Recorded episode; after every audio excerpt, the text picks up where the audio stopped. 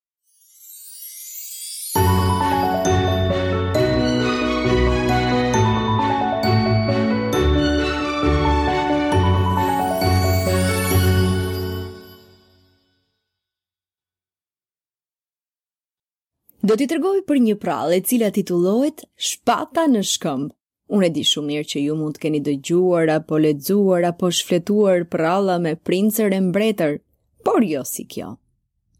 Na ishte një herë në Angli një mbret që e quanin Ater, i cili ia besoi edukimin e djalit të tij Arthur, magjistarit Merlin, këshilltarit dhe mikut të tij më besnik. Merlini e la djalin të jetonte me një kalorës fisnik që e kishte një djalë në moshën e tij, me emrin Kejo. Shumë shpejt të dy djemtë u bënë shokë të pandarë. E luanin së bashku, e kalonin kohë së bashku, e stërviteshin po ashtu. Merlini e donte shumë Arturin dhe e edukoi me urtësi, duke i mësuar edhe shumë truke të magjisë. Ndërkaq Merlini e mbante të fshehur nga sytë e botës identitetin e vërtetë të Arturit, që ta mbronte atë sa më mirë.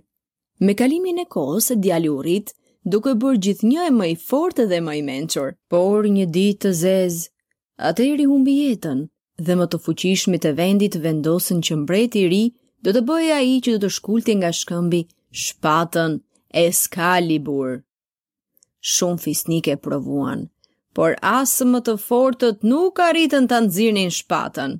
Madje nuk arritën as ta lëviznin, qoftë edhe pak atë. Disa ditë më vonë u mbajt një garë e madhe ku morën pjesë të gjithë kalorësit. Vendosi të merrte pjesë edhe Kejoja, edhe Arturi si ndihmës.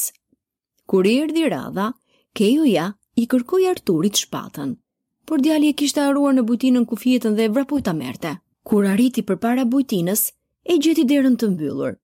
Vështroi rrotull. Ishte i dëshpëruar.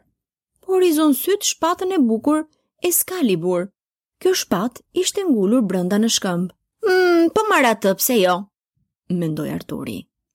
Djali shkoi, e kapi nga doreza dhe e tërhoqi, ndërsa shpata shkëlqeu si rreze drite. Arturi shkoi me vrap dhe ia çoi shpatën Kejos dhe i tregoi se çfarë kishte ndodhur. Fisnikët që nuk u besuan syve, i kërkuan djaloshit ta provonte përsëri. Arturi e nxori përsëri shpatën duke e provuar se nuk gënjente. Kështu fisnikët u bindën dhe e shpallën atë mbret. Babai i Kejos u gjunjëzua para tij dhe i tha. Ju përshëndes dhe ju njoh si sovranin tim, Artur, mbret i Anglisë.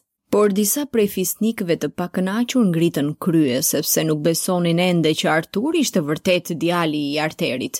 Shpërtheu një luftë e brendshme, por falë Arturit dhe magjisë së Merlinit, rebelët u mposhtën dhe u krijua tryeza e rrumbullakët, aty ku uleshin fisnikët më me shumë vlera të mbretërisë. Arturi e ngriti oborrin e tij në qytetin Kamelot, Ai u martua me princeshën Xhenevra dhe sundoi me drejtësi dhe bujari, duke vazhduar të dëgjonte këshillat e urta të Merlinit. Dhe jemi të sigurt se Merlini do të jetë një mbret shumë i mirë, edhe kur të rritet, edhe kur të bëhet më burrë. Dhe urojmë që të gjithë mbretërit kështu të jenë si ai.